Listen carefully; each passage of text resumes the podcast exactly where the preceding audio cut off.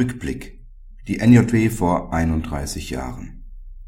Staat und Kirche § 137 Absatz 3 der Weimarer Reichsverfassung in Verbindung mit Artikel 140 Absatz 1 Grundgesetz regelt das kirchliche Selbstbestimmungsrecht, das in eigenen Angelegenheiten die Freiheit vor staatlicher Einmischung garantiert. Als eigene Angelegenheiten sind heute insbesondere Lehre und Kultus Organisation und Ämtervergabe, Ausbildung, Vermögensverwaltung und Teile des Dienstrechts, aber auch karitative Tätigkeiten anerkannt.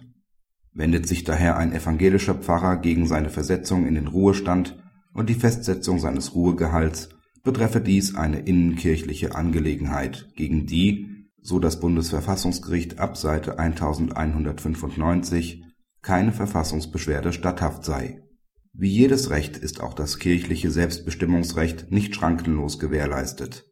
Das staatliche Arbeitsrecht mit solchen Vorschriften, die, etwa wie das Kündigungsschutzgesetz, eine angemessene soziale Sicherung und gerichtlichen Rechtsschutz für Mitarbeiter der Kirche gewährleisten, sollen anwendbar sein.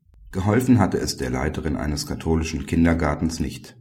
Ihre Kündigung sei sozial gerechtfertigt gewesen da das Zusammenleben mit dem katholischen Priester einen schweren Verstoß gegen wesentliche Grundsätze der katholischen Kirche bedeute, urteilte das LAG Hamm in der NJW von vor 31 Jahren (NJW 1978, Seite 850